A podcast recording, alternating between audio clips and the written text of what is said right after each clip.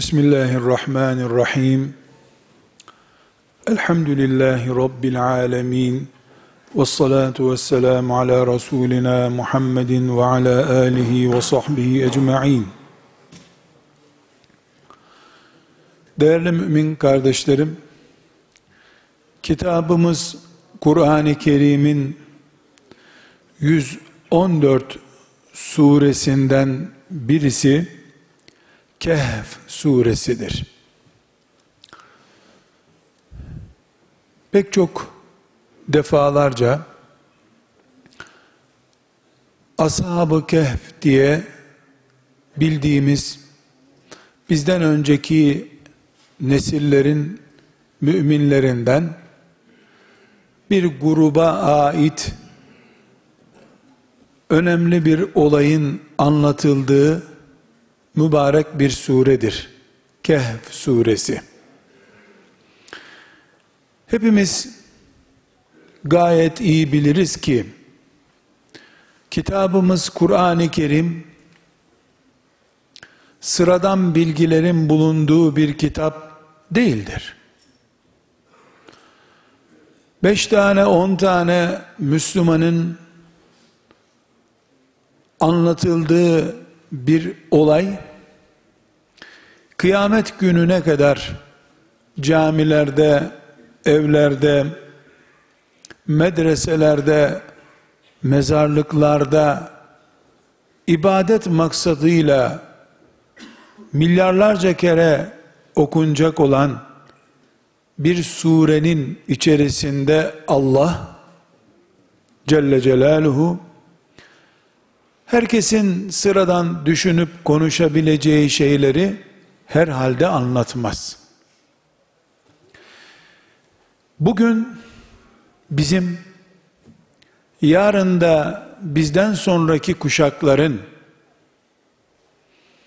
üzerinde derin derin düşünmeleri gereken büyük bir olayı Allah kitabımız Kur'an-ı Kerim'de bize anlatmaktadır.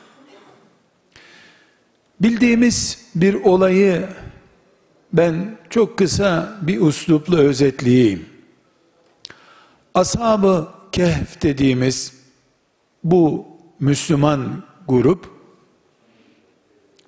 İsa aleyhisselamdan sonraki dönemde Roma İmparatorluğu'nun hegemonyası altındaki bir yerde Allah için bir şeyler yapmaya çalışan bir grubun adıdır. İsa aleyhisselamın getirdiği tevhid dini Roma'nın işkencesine tabi tutulmuş kimsenin Allah birdir demesine izin verilmiyordu. Böyle bir dönemde sarayda işleri iyi olduğu halde belli görevleri ve imkanları bulunduğu halde bir grup Müslüman Roma İmparatorluğu'nun Allah birdir mesajına İsa Aleyhisselam'ın bu tevhid inancına baskı yapma karşılığında, baskı yapmasına karşılık devlet adamlarının da bulunduğu eyalet valisinin, imparatorun vesairenin bulunduğu bir ortamda ayağa kalktılar ve tevhid inancını Allah birdir inancını haykırdılar. Bu kardeşlerim herhangi bir filmin senaryosu değil. Kitabımız Kur'an-ı Kerim'in 114 suresinden bir tanesinin adı bile bu olacak kadar konusu olmuştur. Ayağa kalkıp biz Allah'a iman ediyoruz. Allah'tan başkasına da inanılmaz. Siz bu insanları niye şirke zorluyorsunuz diye haykırdılar. Elbette yürüyen ve işleyen bir sisteme çomak soktular. Böylece bunların vücutlarının parça parça edileceğini herkes anladı. Bunlar bir yolunu bulup şehirden kaçtılar. Bir dağ çıktılar. Dağdaki bir mağaraya sığındılar. Hem korktular hem de Rablerine teslim olacak teslimiyeti de gösterdiler. Kardeşlerim burada akılla kimyasal veya fiziksel bir laboratuvar testiyle test edemeyeceğimiz bir şey oldu. Nedir o?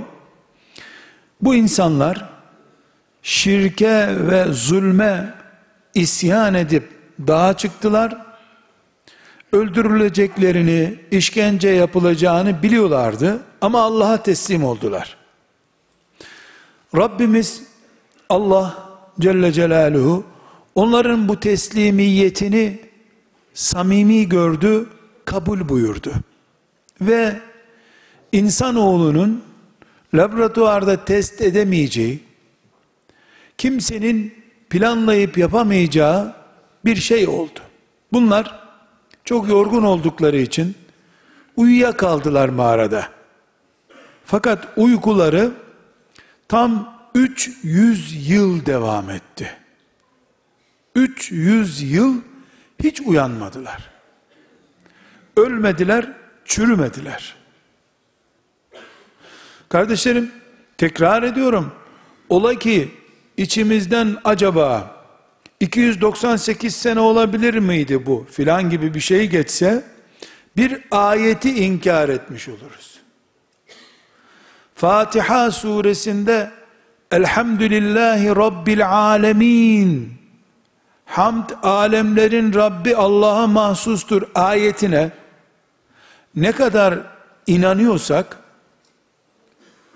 ya da ne kadar inanmamız gerekiyorsa bu adamların 6-7 kişilik küçük bir gruplar o mağarada hiç uyanmadan 300 yıl uyuduklarını da 300 yıl da hani biz zannederiz belki yani onar günden 310 çarpı filan bir sene iki sene sürdü filan zannetmeyelim diye allah Teala o kadar açık söylüyor ki bunu.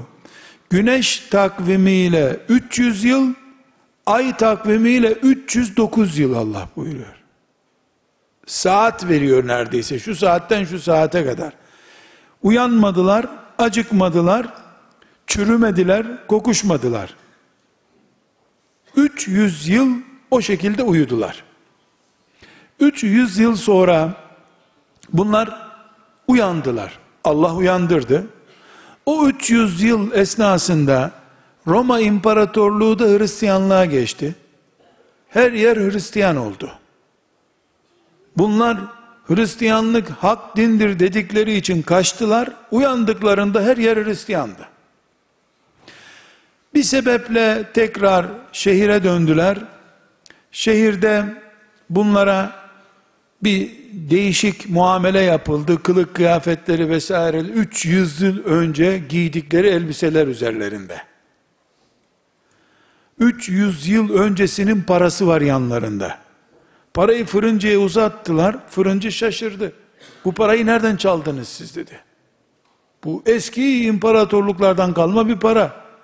Yani bir senelik, on senelik, yirmi senelik gençliğinde kazandı da ihtiyarlığında kullanıyor diyecek kadar da bir zaman değil. 300 yıl uygarlıklar değişmiş, şehirler yıkılmış, yeniden kurulmuş. Dünya yeniden kurulmuş. Bunlar akşam yatıp sabah kalkmış gibi uyanmışlar. Birbirlerine de Kur'an'dan öğreniyoruz. Birbirlerine de çok uyuduk herhalde. Bir günü bulmuştur uyuduğumuz filan demeye başlamışlar. Çok uyuduk. Gözleri filan kamaşıyor. 300 tane yıl geçmiş üzerlerinden. Kardeşlerim, bu olay sonra bunu yakalıyorlar bunları. E, bu olayı da tarih kitaplarından öğrendikleri için zamanı birinde böyle birileri mağaraya sığınmıştı bir masal gibi bunu biliyorlar. İnsanlar bunları gidip bulmaya çalışıyorlar. İşte ellerini öpelim vesaire hürmet, türbecilik yani bir türbe yapalım etrafında filan diye bir merak ediyorlar. Derken allah Teala bunların ruhunu kabz ediyor. Kıyamet günü dirilmek üzere bunlar ölüyorlar. 300 sene üzerine. İnşallah onlarla kucaklaşacağımız cennete Allah bizi de koyar da kimmiş bu adamlar görüşürüz inşallah. Kardeşlerim, A ve B noktaları olmak üzere iki noktaya vurgulama yapacağız. Onun için bu Kehf suresinin şu bahsedilen olayına temas ettik. Kur'an-ı Kerim'de uzun uzun anlatılıyor bu. Ben kısaca özetleyiverdim. Kardeşlerim, asıl mesele A maddesi o dönemde Roma İmparatorluğu'nun yönetimi altındaki topraklarda devlet sisteminde Allah öldükten sonra nasıl diriltecek ki? Boş ver yaşıyorsan yaşa bu dünyada öldün mü kurtulursun toprak çürür gider kaybolursun düşünüyordu insanlar. Güya dindar olanlar bile diriltilmeye şüpheleri vardı. Allah mezara girmiş insanları aradan asırlar binlerce sene geçse bile diriltmeye gücü yettiğini ispat edecek bir deneyi insanlara gösterdi. Bunu da bu gençlerin üzerinden yaptı. Bu kehf olayı ashab-ı kehf dediğimiz o mağara insanlarının başına gelen olay Allah'ın insanları kıyamet günü diriltmekte zorlanmayacağının, onun için zor bir iş olmayacağının belgesidir. Bu A maddemiz. Ama B maddesi bugün burada bizim kulaklarımızın içinde seslendirme cihazı gibi kalacak bir mesajdır. Allah Azze ve Celle Kur'an-ı Kerim'de bu mübarek surenin içinde bu büyük mucizeyi şu imparatorun karşısına dikip sen kim oluyorsun? Yerlerin göklerin Allah'ı var deyip zalime zulmünü haykıran ve bu uğurda hayatını feda etmeye hazır olan ve bu samimiyetin ciddiyetini de Allah şahidi olduğu için bu, bu gençlerin böyle provokatör bir eylem yapmadıklarını bunların böyle işte heyecana gelip bağırıp çağırıp sonra da ya özür dileriz yanlış oldu filan diyen tiplerden olmadıklarını bildiği için Allah Kur'an-ı Kerim'in ümmeti Muhammed'in kıyamete kadar okuyup amel edeceği bu büyük kitabın 114 bölümünden birinin ismi ve suresinin içini dolduran konu oldu bunlar. Bu adamlar bunları bu sure tanıtırken yani bu bahsettiğimiz olayları anlatmaya başlamadan Allahu Teala bu surede bunları tanıtırken hangi adamları 300 yıl bir mağarada uyutulup Allah'ın kıyamet günü kullarını diriltmesinin zor olmayacağını belgelediği eylemin aktörleri olan bu insanları tanıtırken Kur'an diyor ki innehum fityetun amenu bi rabbihim ve zidnahum huda ve rabatna ala kulubihim onlar Rablerine iman etmiş gençlerdiler diyor.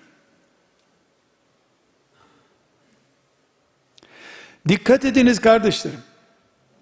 Bu nokta şu B noktası annelere, babalara, öğretmenlere, muallimlere, delikanlılara Kur'an dozajında bir mesajdır.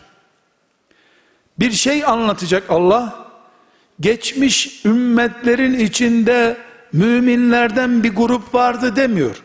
İnnehum fityetun amenu bi rabbihim. Onlar Rablerine iman etmiş gençlerdi diyor. Rablerine iman etmişlerdi. Zidnâhum huden. Biz de onların hidayetini artırdık. Rabatna ala kulubihim. Kalplerine heyecan verdik. İz kamu. Kalktılar imparatorun karşısında. Fekalu dediler ki Rabbuna Rabbus semavati vel Bizim Rabbimiz göklerin ve yerin Rabbidir. Len ned'u ve min dunihi ilahen. Ondan başkasını biz ilahımız kabul etmeyiz deyip herkesin önünde secde ettiği imparatoru ayaklar altına attılar.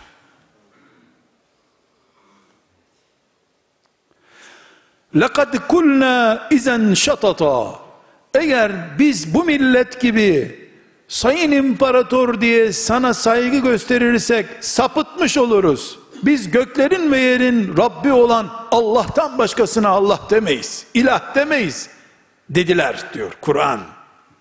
Sonra da biraz önce bahsettiğim olaylar oldu. Zincirlendiler, tutuklandılar, kaçtılar, yakalanmadılar.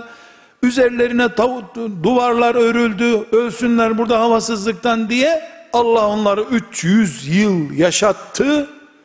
Yeryüzünün, göklerin, denizlerin altının ve üstünün her yerin gerçek hakiminin Allah olduğunu, Allah öldürmedikçe kimsenin kimseyi havasız bırakıp öldüremeyeceğini kıyamete kadar Elhamdülillahi Rabbil Alemin Errahmanirrahim diye okuyup iman ettiğimiz gibi okuyalım, iman edelim diye Allah Kur'an'ına koydu.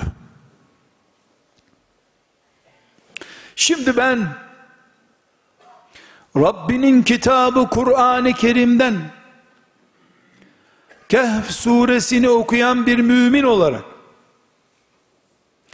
bu sureyi okumaya başladığımda hangi mağaraya girdiler? Tarsus'ta mıydılar? Başka bir yerde miydilere takılamıyorum. İster Tarsus'ta olsunlar. İster İstanbul'da olsunlar, ister Ağrı'da olsunlar, isterse Londra'da olsunlar. Yedi kişi miydiler, dokuz kişi miydiler, on bir kişi miydiler? Kapılarında bir köpek vardı, bir köpek de peşlerine takılmış. Bu köpek beyaz mıydı, fino köpek miydi, çoban köpeği miydi? Bunlar çobanca laflar. Çünkü bunlara Allah temas etmiyor. Çoban köpeği de onları bekledi demiyor. Köpeğin adı Kıtmir miydi, Fino muydu? Hiç önemli değil. Ben bir mümin olarak Kur'an-ı Kerim'i hidayet kitabım, amel kitabım, inanç kitabım ve malzemem olarak önümde görüyorum. Bu mübarek sureyi de sevgili peygamber sallallahu aleyhi ve sellem efendimiz her cuma günü okumayı emrediyor. Kehf suresini her cuma günü okuyan deccal fitnesinden kurtulur diyor. Çünkü Kehf suresinde bu delikanlıların heyecanını yakalayan deccalın tuzağına düşmez Allah'ın izniyle. Ama mezarlarda değil, diri yüreklerde okunduğu zaman içindir bu. Ben Kehf suresini okuduğum zaman, bu hadiseyi dinlediğim zaman Rabbimden, filan şehirde miydiler, filan yerde miydiler, ziyarete gidince mağaraya arabayla mı çıkılıyor, asansörle mi çıkılıyor, ona takılmıyorum. Takılırsam şeytanın ağında kalırım biliyorum. Kapısındaki köpeğe takılmıyorum. 300 sene acaba sağ omuzunda mı yatıp uyumuşlardı sünnete uygun bir şekilde yoksa sırt üstü mü yatmışlardı buna da takılmıyorum. O bir mucize çeşidi değil çünkü. Rabbim ona zaten dikkatimi çekmiyor. Ama Rabbim benim başka bir şeye dikkatimi çekiyor. Mağarayı anlatmadan, imparatorun zulmünü anlatmadan, 300 seneyi anlatmadan, şöyle uyandılar böyle uyudular demeden, işte fırıncıya gitti bana ekmek ver dedi 300 sene önceki paraya baktı fırıncı ya siz bu parayı nereden buldunuz dedi. Bunu anlatmadan Allah onlar delikanlılardı, gençlerdi, yüreklerinde iman vardı diyor Allah. Burada kalması gerekiyor ümmeti Muhammed'in. Medrese, Kur'an kursu, İmam Hatip Lisesi, cami, eğitim merkezi, vakıf, dernek ne açacaksan aç.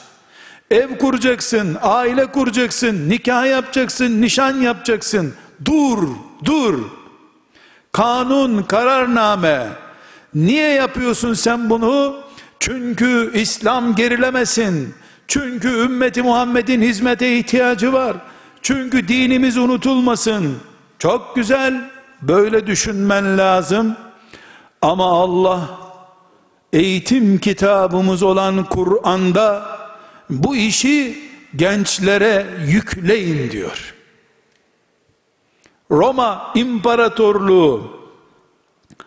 İmanı ve ahirette dirilmeyi, öldükten sonra dirilmeyi yok hale getirmek, inanılmaz hale getirmek için uğraşırken, Jüpiter'ine bilmem ne ilahına inandırmak için insanları uğraştırırken, imparatoru bizi yarattın diye önünde secde edilir hale getirdiği zaman Roma İmparatorluğu, Allah, bütün kainatta yaşayan insanlara, cinlere, herkese vereceği dersi, çok takva, ibadetle meşgul İsa Aleyhisselam'ı görmüş insanların üzerinden değil yürekleri iman dolu bir avuç genç üzerinden verdi.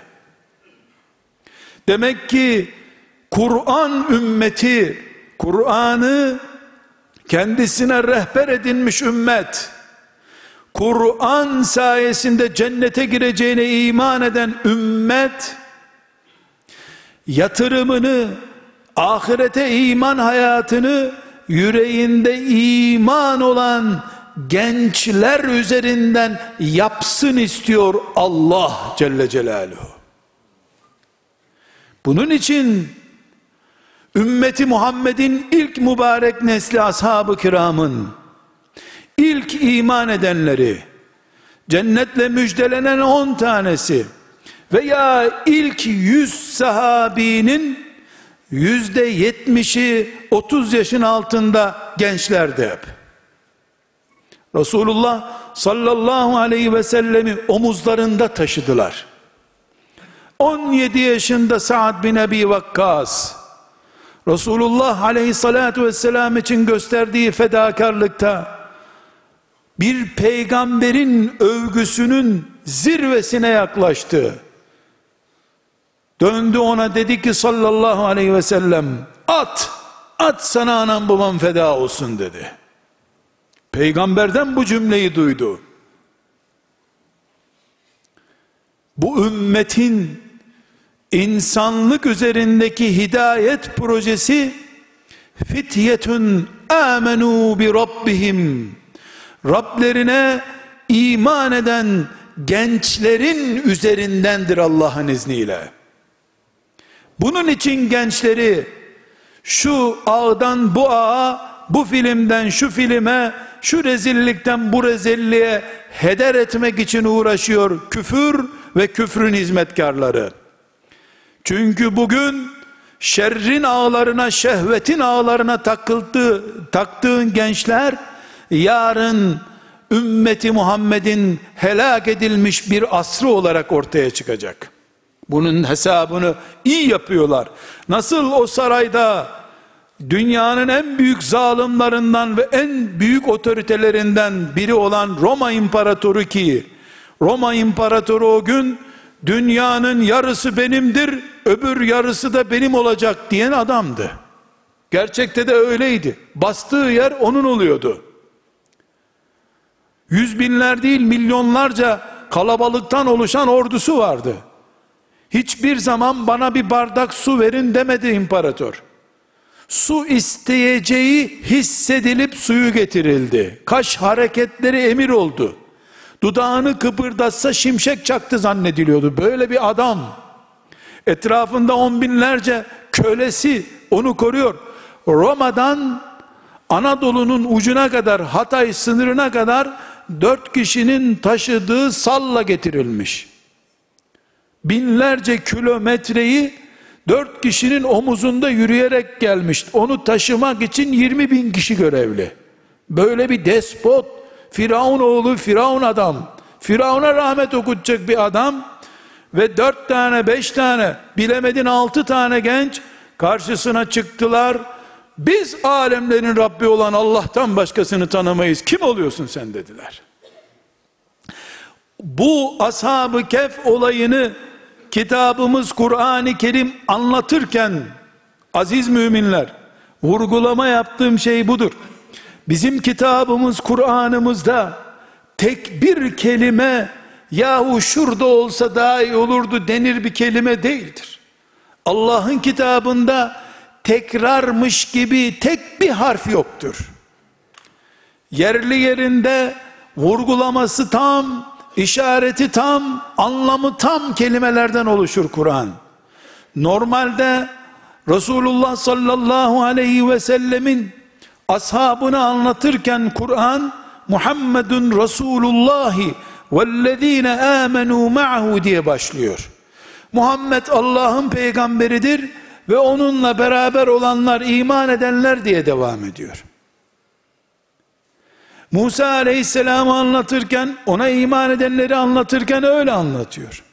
Ama bir zulmün karşısında kıyamete kadar bütün iman edenlerin ders yapacağı ham maddeyi oluşturan Kehf ashabını anlattığında Allah innehum fityetun amenu bi rabbihim onlar Rablerine iman eden gençlerdi diyerek başlıyor. Kur'an belagatı, Kur'an edebiyatı, Kur'an azameti üzerine düşündüğümüz zaman yeryüzünde mümince bir hayat için ahiret şuuru kazandırmak için iş yapacak neslin gençler olduğunu onların çalışmasının 300 yıl beklenecek bir mucize denkliğinde olduğunu Allah bize işaret ediyor. Böyle bir genç bulduğun zaman böyle bir genç grup bulduğun zaman وَزِدْنَاهُمْ huda ona gökten Allah'ın rahmeti yağacak demektir. Gencin ibadeti başka çünkü. وَرَبَطْنَا عَلَى قُلُوبِهِمْ Bu delikanlıca, deli dolu, ne dediğini bilmez, abuk subuk konuyu, yahu protokole aykırı konuştu, şu hale bak, daha dikkatli konuşsa, işte gençler tecrübesiz filan diyoruz ya, hani tecrübeli ihtiyarlar, çok güzel susmayı biliyorlar da, tecrübesiz gençler bol bol konuşuyorlar ya, وَرَبَطْنَا عَلَى قُلُوبِهِمْ Kalplerine desteğimizi verdik, ve kalktı delikanlıca konuştular Allah buyuruyor. Ama her şey nerede başladı? Amenu bi rabbihim. Rablerine iman etmiş delikanlılar olarak Allah'ın defterine yazıldılar. Onlar imanlarını ispat edince Allah'a melekler yüreklerindeki imanı defterlerine kaydedip peygamberin indirdiği tevhid bunların yüreğinde var diye işaret edince melekler artıyı bir defa aldıktan sonra peşinden Allah'ın hidayeti yağdı onlara kalpleri Allah'ın arşı ile bağlantı kurdu وَرَبَطْنَا عَلَى قُلُوبِهِمْ kalplerine hidayet yağdırdık güç verdik enerji verdik İzkamu fekalu kalktılar bizim Rabbimiz Allah'tır dediler. Hizmetçilerinin, eyalet valisinin bir şeyi emreder misiniz efendim demeye bile cesaret edemedikleri bir ortamda kendi çocukluk arkadaşlarına konuşuyor gibi kralın önünde haykırdılar Allah buyuruyor. Hepsi ne sayesinde oldu? İnnehum fityetun amenu bi rabbihim. Rablerine iman eden gençti onlar. Kardeşlerim, iman herkes için değerli ve herkes için cennetin şartıdır. İmanın iyisi kötüsü olmaz. Ama gencin imanı 300 yıl yetecek bir enerjinin adıdır. Bunun için emsallerinin keyfu sefa sürdüğü, istediği gibi zevklendiği bir ortamda, arkadaşlarının nefsine tapındığı bir zamanda, kimsenin onu bir günahtan, ayıptan, namaz kılmamaktan dolayı kınamayacağı bir ortamda, benim Rabbim Allah'tır diyen genç, ihtiyardan, hocadan, hacıdan, sakallıdan daha kıymetli olduğu için, üniversite ortamlarındaki rezil, ahenksiz, berbat pozisyonlara karşı Allah'tan haya edip utanıp kendisini kenarda saklayan delikanlılar, emsallerinin battığı çukurların etrafına bile yanaşmaya cesaret edemeyip Allah korkusuyla cüretkârane bir şekilde ben Allah'tan korkarım, Allah'tan korktuğumun bedelini de öderim, verev ki bütün nimetler elimden gitsin diyen gençler var ya, bunların yeri cennet, işte Havz-ı Kevser, vallahi böyle de değil. Cennet bile değil bunların yeri. Cennet bile değil. Cennet dahi değil. Ne yarısı, neresi? Allah'ın arşının gölgesi. Allah'ın arşı bekliyor bu genci. Diyor Resulullah sallallahu aleyhi ve sellem. Şabun neşe'e fi ibadetillah. Allah'a kulluk heyecanıyla yaşayan genç. Birincisi Ömer bin Hattab olan yedi büyük seçilmiş insandan biri olarak arşın gölgesinde gölgelenecek bütün insanların iyilerin kötülerin herkesin mahşer heyecanıyla kavrulduğu bir zamanda. Acaba cennete girer miyiz giremez miyiz bile? Herkesin düşündüğü peygamberlerin dahi ne edeceğiz bugün diye merak ettiği, endişelendiği bir zamanda, Muhammed nerededir, şefaat etse bize diye herkesin aradığı bir zamanda, aleyhissalatu vesselam, Allah'ın özel misafiri olacak, şabun neşe'e fi ibadetillah, Allah'a kulluk lezzetiyle, ahengiyle büyüyen gençler. İnnehum fityetun amenu bi rabbihim. Rabbe iman etme zevkiyle büyüyen genç başka bir genç. Allah İsa aleyhisselamın yakın nesilleri vardı o günlerde. Belki İsa aleyhisselamın havarilerinin mesela torunları filan sağdı aynı zamanda. Onlardan üç tane beş tanesiyle yapabilirdi bunu. Ama mucize 300 yıllık enerji birikimi ve heyecanı ancak bu delikanlılarda olurdu da Allah bunları seçti. Çok açık ve seçik kardeşlerim. Allah'ın kitabı 114 suredir. Bu 114 surenin birisi de El-Kehf suresidir. Bu surede de Allah Fatiha suresinde hangi Allah olarak bize iman ettiriyorsa Fatiha'ya Kehf suresini de o Allah'ın indirdiği bir sure olarak inandığımıza göre açık ve seçik bir şekilde bu delikanlılara Allah işte siz kıyamete kadar bütün insanlığın iman etmesi gereken Allah'ın dirilteceği ve buna muktedir olduğu imanının şablonusunuz dedi Allah. Bu şerefle onları şereflendirdi. Burada bir C maddesi açacağım kardeşlerim. Herkesin aldığı nefeslerin sayıldığı bir zamandaydılar bunlar. Dolayısıyla bunlar sabaha kadar Kur'an okuyup ya da İncil okuyup o zamanki kitap İncil okuyup akşama kadar da ziraat yapıp namaz kılan insanlar değillerdi. Sakın böyle zannetmeyesiniz. Nerede ibadet yapıyorsun ki? Potinus, Jupiter, Koputus diye ilahlar var onlara tapınman gerekiyor. Allah dedin mi ipe götürülüyorsun zaten. Ne namazı ya, ne orucu? Sadece Allah derken kaynayan kanları vardı. Başka hiçbir şeyleri yoktu. Asiye de öyle bir kadındı zaten. Rabbim dedi, yerle gök arası heyecanla doldu Asiye için. Asiye, Firavun'un karısı. O da sabahlara kadar namaz kılan, teşettü, tesettürlü, peçeli, ibadetli, tesbihli bir kadın değildi. Nasıl olacaksın ki Firavun kime tesbih çektiriyor? Nesi vardı Asiye'nin?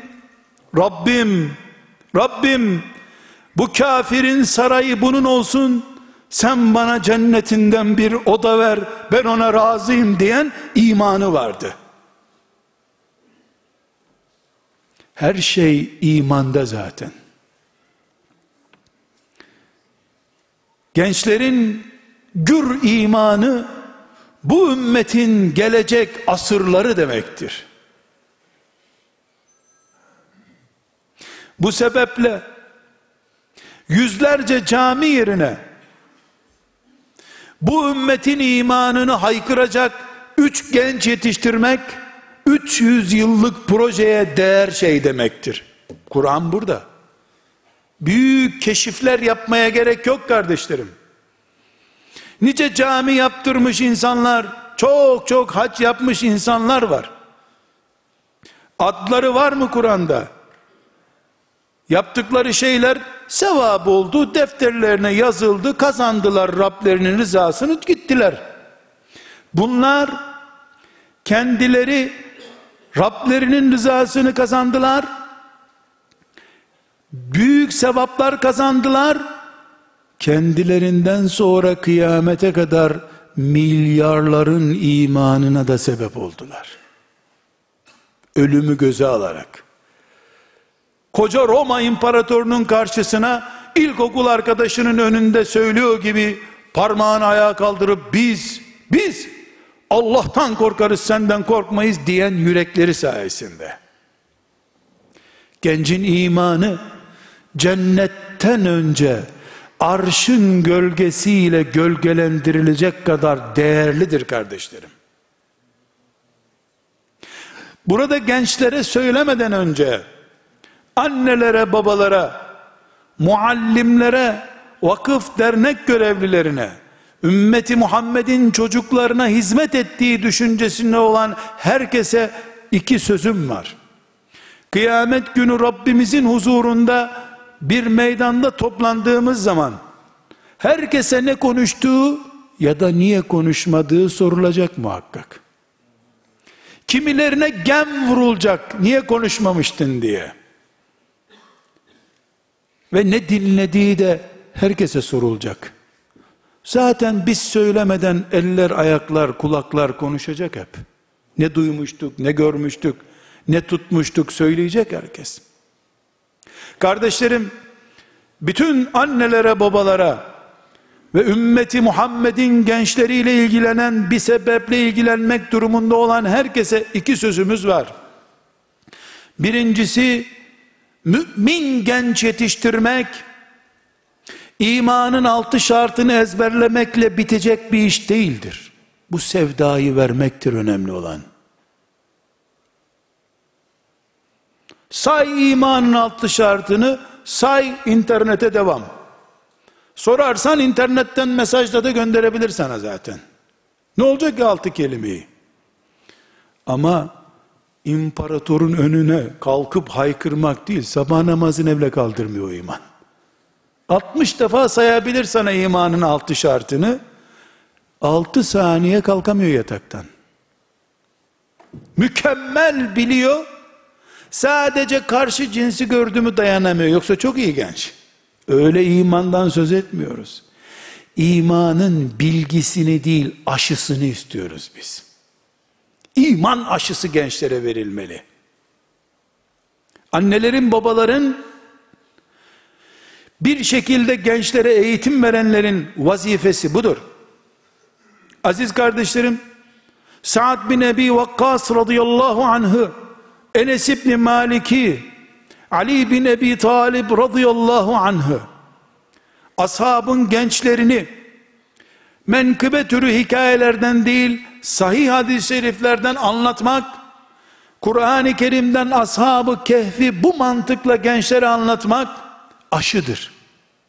Gence kim gibi olması gerektiğini öğretmiş oluyorsun. Bu önemli. Bu arada elbette amentu billahi ve melaiketi diye öğreteceğiz. İki dakikalık iş o zaten. Ama aşı 20 sene sürebilir. Aşı uzun zaman ister. Programımız bizim 3-4 kağıda yazılacak ders maddelerinden oluştuğu zaman çok şey bilen hiçbir iş yapamayan bir genç nesil yetiştirmiş oluruz. Hafız bile olur bir işe yaramaz. Olabilir. Ama iman aşısı aldığı zaman bir kere namaz kılmamış bile olsaydı ashabı kehf gibi olup kalkıp imparatorun önünde Allah diye haykıran bir delikanlı olabilirdi. Aşı başka bir şey. Sa'd bin Ebi Vakkas da namaz kılmıyordu çünkü namaz emredilmemişti henüz. Namaz diye bir ibadet yoktu. Sa'd bin Ebi Vakkas'ın Resulullah'a müdafilik yaptığı zamanda. Aleyhissalatu vesselam. Birinci sözüm budur. Mahşer yerinde herkese sorulur ne demiştin ne dinlemiştin diye. Demeyene gem vurulur ateşten maazallah. Ne dinlemiştiğini unutana da cezası verilir. Bu bir. İki kardeşlerim, pire için yorgan yakılmaz. Atasözüdür pireye yorgan yakılır. Gerçi pire kalktı dünyadan ama atasözü olarak duruyor. Pire için yorgan atasözünde yakılır. Bit içinde, pire içinde, sinek içinde koca bir yorgan yakılmaz. Anneler, babalar, medrese görevlileri, gençlerin imanını dev hale getirip, fityetun amenu bi rabbihim ve zidnahum huda, Allah'ın gökten onlara iman yağdırdığı gençler haline getirip, Rablerinin kalplerine heyecan akıttığı gençler haline getirip, yetiştirme görevinde olması gereken anneler babalar olarak, muallimler, idareciler olarak, aziz kardeşlerim, pire için yorgan yakmak akıllılık değildir. Bir delikanlılık helal olsun be dedirtecek bir şey de değildir. Eğer Allah annelerin, babaların ve öğretmenlerin, muallimlerin işlediği hatalardan dolayı hepsinin cezasını peşin verecek olsaydı ne camilerde bulunurduk ne dünyada bulunurduk. Hepimiz helak olmuştuk çoktan. Gençlerin yüreğinde Sa'd bin Ebi Vakkas gibi mağarada 300 yıl Allah için uyumaya hazır imanları varsa bu gençlerin ufak tefek hatalarını görmesin anneler babalar Allah'tan korksunlar. Kendisi gençliğinde onun yaşındayken 10 kat daha beterini yapardı internet bulsaydı. Ne internet, ne daktilo, ne klavye, ne de radyo görmediği için biz böyle değildik diyor. Olsaydı o zaman görürdüm seni ben. Gençlerin imanları ve Allah'ın kalplerine heyecan yağdırıp yağdırmadığına bakalım. وَرَبَطْنَا عَلَى قُلُوبِهِمْ Allah'tan onlara bir heyecan gelip Rabbim senin için bana şehitlik nasip et diyen bir genç en kötü rezillikleri yapsa bile bir annenin babanın Rabbim bu dilindeki davasına uygun hale getir yavrumu diye dua etmekten başka bir şey yapmaması gerekir. Şeytan güya İşte halasının yanında ayak ayak üstüne attı. Anne babası rezil oldu diye fırtınalar estirip anne ile babası arasına mesafe koymasına, onlardan soğumasına neden olur. Ondan sonra da annesine babasına kızdığı için sabah namazına kalkmaz. 3 ay 5 ayda sabah namazını ihmal ettiği için, yatsıyı ihmal ettiği için, Kur'an okumadığı için de o koca iman söner gider maazallah. Pire için yorgan yakmak yok. Yorgan hiç yakmak yok zaten. Rabbimiz sabrımızı sadece hastalanınca mı deneyecek? Evlatlarımızın sağlığı, sıhhati üzerinde de sabrımızı deneyecek Allah. Hataları üzerinde de sabrımızı deneyecek. Her türlü sabır imtihanındayız.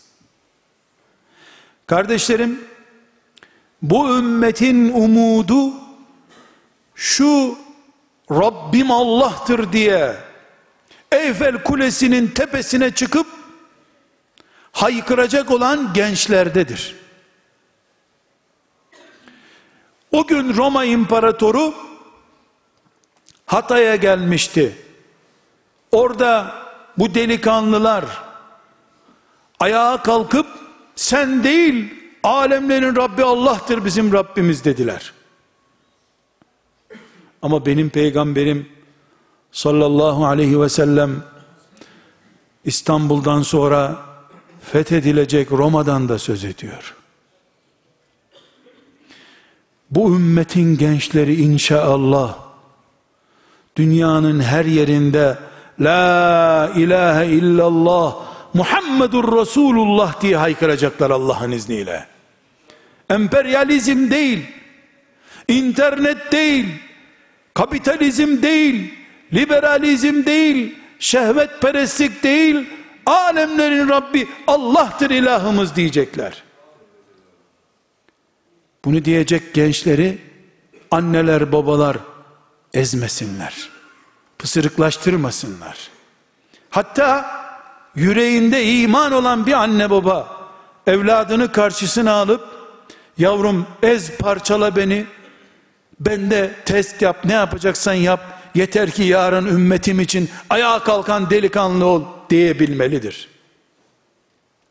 Nasıl ben seni doğurup karnımda taşıyıp heyecanla büyüttüysem o zamanki fedakarlıklarım gibi şimdi 60 yaşındayım şimdi de seni taşırım yavrum. Yeter ki sen ümmetime hizmet et dinime hizmet et Allahu Ekber diye yeryüzünde haykırmaya hazır ol diyebilmelidir anneler babalar. Fedakarlıktır bu şüphesiz kolay hemen yapılabilir bir şey değil bu ama anne baba bunu bir cihat kabul etmeli Rabbimin hatırı için arşın gölgesinde misafir edilecek bir çocuğun babasıyım ben kıyamet günü.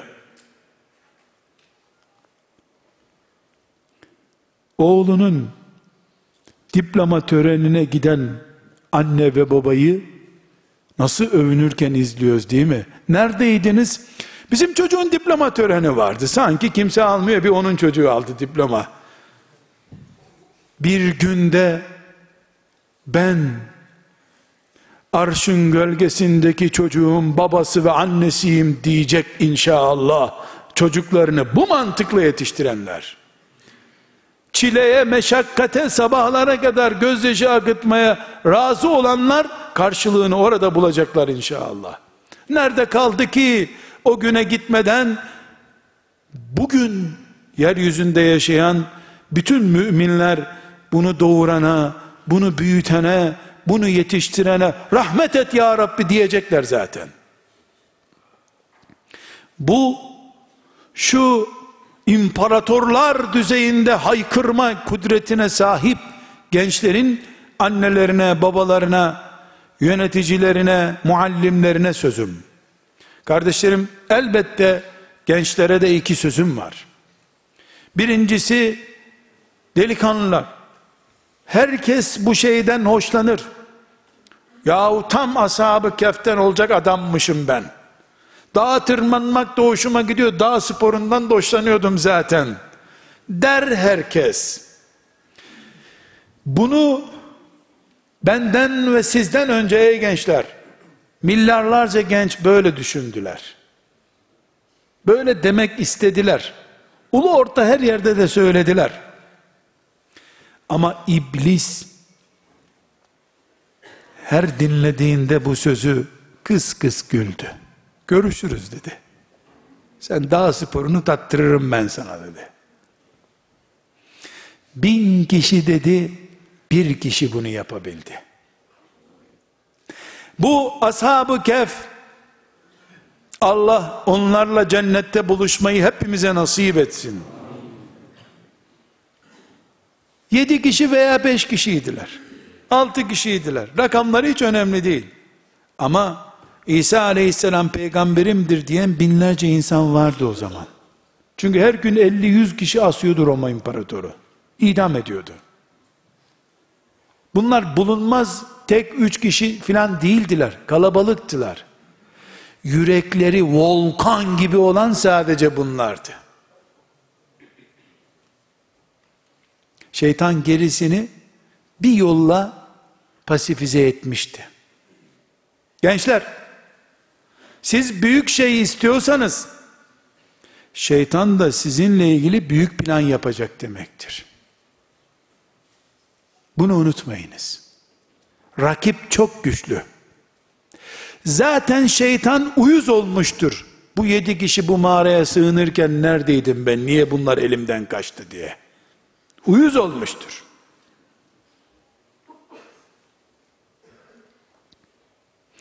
O intikamı senden almaya yeminli olduğunu unutmayacaksın.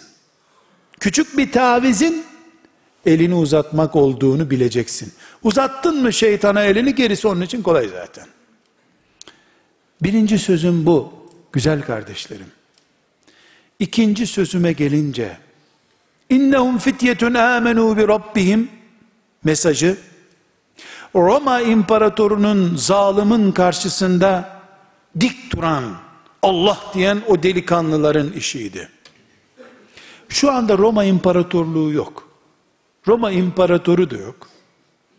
Böyle demeyi gerektiren bir ortam da yok. Klavye mücahitleri bunu yapıyor internette zaten. Ama şimdi Roma imparatoru fakültede sana mesaj gönderen kız arkadaşındır haberin olsun. Veya erkek arkadaşındır. O Roma imparatorudur. İnternet beydir. Diploma hazretleridir. Maaşı iyi diye cuma namazına bile gitmeye fırsat bulamadığın iş yeridir. Roma imparatorunun karşısında yıkıl Allah'ın önünde sen nesin diyenler 300 yıllık enerjiyle ayağa kalktılar. Yedi büyük adam diyoruz ya biz. Arşın gölgesinde. Onlardan birini nasıl tanıtıyor sallallahu aleyhi ve sellem Efendimiz? Hani çok cazip bir cinsel teklifi kimsenin olmadığı bir yerde önüne getirdiğinde bir kadın her şey yolunda soru soran yok, eden yok, tamam mı tamam dendiği bir zamanda aklına Allah gelip ben Allah'tan utanırım bu işi yapamam deyip tekmeyi vurup giden ashab-ı keftir. 2015 yılında. Bu ümmetin umudu o gençtir işte. Bütün bu konuştuklarımız değerli genç kardeşlerim, mümin kardeşlerim, Kur'an'ın tarih bölümü değil, pratik bölümünün bilgileriydi. Vay be ne yiğit adamlarmış var ya Roma imparatorunu bulsam mızrağı göğsüne basardım ben de. Bırak bu edebiyatları. Bırak böyle mesaj salmayı uzaya. Sen her saat başı imparatorun önündesin. İmparator ne demekti? Astığı astık, kestiği kestik demekti değil mi? Önünde çıt yapılamayan adam demekti imparator. Kimse internet zevkinden vazgeçebiliyor mu? Namazda bile insanlar cep telefonunu kapatabiliyorlar mı? Bugünün imparatorlarının adı değişik olabilir. O nesli Allah filan imparatorun zulmüyle imtihan etti. Şimdi global bir dünyada imparator diye bir şey kalmadı. İmparatordan daha fazla zulmeden internet baba geldi. Ezan okundu, çöksün dünyanın interneti, yeter ki ben Rabbim için secdeye kapanayım diyen genç, innehum amenun diyen gençtir. O delikanlıdır işte. Ah be, iman zirvede bu gençte. Bu ne mübarek gençtir ki, eli ayağı öpülecek bir gençtir ki, fırsatlar ayağına geliyor, haram olan şeylere karşı ashabı kehfin delikanlıları gibi dik duruyor. Gençler ama şu bir numaralı itirazımız vardı ya iblis bekliyor demiştik ya haram haram Allah'ın haramı hiçbir zaman bu haramla biraz ilgilenir misin diye kimseye gelmiyor. Bu kızcağız iyi değil durumu. Sen bunu iyi bir Müslüman anne yaparsın. Onun için bununla ilgilen diye gelir. Kime kaç numara ayakkabı olur onu biliyor şeytan. Sende iman varsa boş ver üç günlüğüne keyfini sür sonra tövbe edersin demez kimseye. Bunu dese var ya iblis yarısını kaybeder dünyanın. E sen ilgilenme o ilgilenmesin Maazallah dinsiz birine gider hepten gavur olur. Sen ilgilen. Götür şu kafeye, kafede beraber yayın için hidayetine vesile olursun. Bir taşla iki kuş vurursun. Bakarız bir taşla hangi kuş vuruluyor ama. İki kuş vurulur da ikiniz olursunuz o kuşlar. Taşı atan iblis olur. İnnehum fityetun amenu bi rabbim. Gençler o imparatorun karşısına dikildiğinde o delikanlılar işsiz güçsüz kimseler değillerdi. Hepsi imparatorun sağlık müdürü, koruması, şehir sorumlusu gibi görevleri vardı. O astığı astık, kestiği kestik adamın görevlileriydi onlar. Keyifleri yerindeydi. Yüzlerce hizmetçileri vardı. O keyfi ve o zevki ve o saltanatı bırakıp Rabbimiz Allah'tır dediler. İblis kime kaç numara ayakkabı lazım onu biliyor. Senin iman hassasiyetin varsa sana bir külahla gelir. Eğer senin iş putun varsa babasının çok iyi iş imkanları var. Sen orada genel müdür olursun der. Böylece o şirketi de İslam'a hizmet ettirirsin bak. Bak. Bu bir tür cihat zaten. Bundan kaçsan vebal olur. Hadi Allah rızası için bari bu hatayı bu yapalım dedirtir. Gençler sizi Allah bekliyor. Celle Celaluhu. Sizi Resulullah bekliyor. Sallallahu aleyhi ve sellem. Ve bağrı yanık bu ümmet bekliyor sizi. Ama iblis de bekliyor. Daha çok bekliyor hem de. Kimin tarafına gideceğimiz basiretimiz ve aklımızın sonucuna göre belirlenecek. Siz Allah'tan yana, Resulullah'tan yana olun aleyhissalatü vesselam. Siz şeytanın vurduğu iki kuştan biri olmayın. Sizin alnınızı, elinizi, ayağınızı, öpsün bütün size hizmetle mükellef olanlar. Sizin imanınız gür olsun. Bütün igva, aldatma, tuzaklara karşı Allah'tan yana olmayı becerin. Zaten varabatna ala kulubihim. Sizin tarafınız belli olunca ben Allah'tan yanayım dediniz mi siz bir kere? Hiç anlamayacaksınız. Milyarlarca meleğin sizi kuşatıp koruduğunu, kanatları üzerinde sizi cennete taşıdığını göreceksiniz Allah'ın izniyle. Ve sallallahu ve sellem ala seyyidina Muhammedin ve ala alihi ve sahbihi ecma'in velhamdülillahi rabbil alemin. El Fatiha.